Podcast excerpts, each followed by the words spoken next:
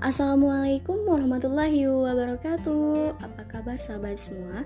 Semoga masih sehat-sehat selalu ya Nah di masa pandemi ini Tidak menghalangi Nora untuk tetap semangat belajar Nah kali ini Nora akan meng-share nih poin-poin Tentang tujuan belajar ilmu agama Nah untuk for your information Nah minggu lalu hari Jumat tepatnya Nora ngaji kitab Ta'limu Ta'alim. Nah, di situ dibahas beberapa poin tentang tujuan belajar ilmu agama. Nah, yang pertama yaitu supaya sahnya kita dalam beribadah kepada Allah.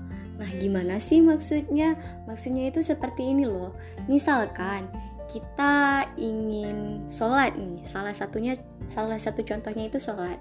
Jika kita tidak tahu rukunnya, niatnya gimana, saat syarat dan sah batalnya sholat itu apa, otomatis ibadah kita nggak akan diterima jika kita hanya mengerjakan sholat saja. Jadi kita hanya mempraktikkan tapi tanpa mengetahui syarat dan rukunnya, itu berarti tidak tidak sah. Nah, yang kedua yaitu untuk menghilangkan kebodohan untuk diri sendiri dan orang lain. Gimana sih maksudnya? Nah, maksudnya itu gini nih.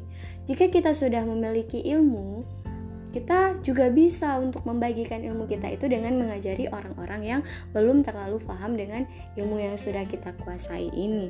Nah, di situ kita akan mendapatkan pahala dan keberkahan ilmu pastinya.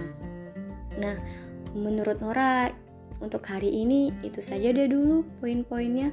Nah, bakalan kita sambung di podcast Nora selanjutnya ya. Tetap selalu mendengarkan dan tetap selalu jaga kesehatan dan kebersihan pastinya karena selagi masa corona seperti ini kita wajib waspada. Nah, itu saja nasihat dari Nora hari ini. Terakhiri, wassalamualaikum warahmatullahi wabarakatuh.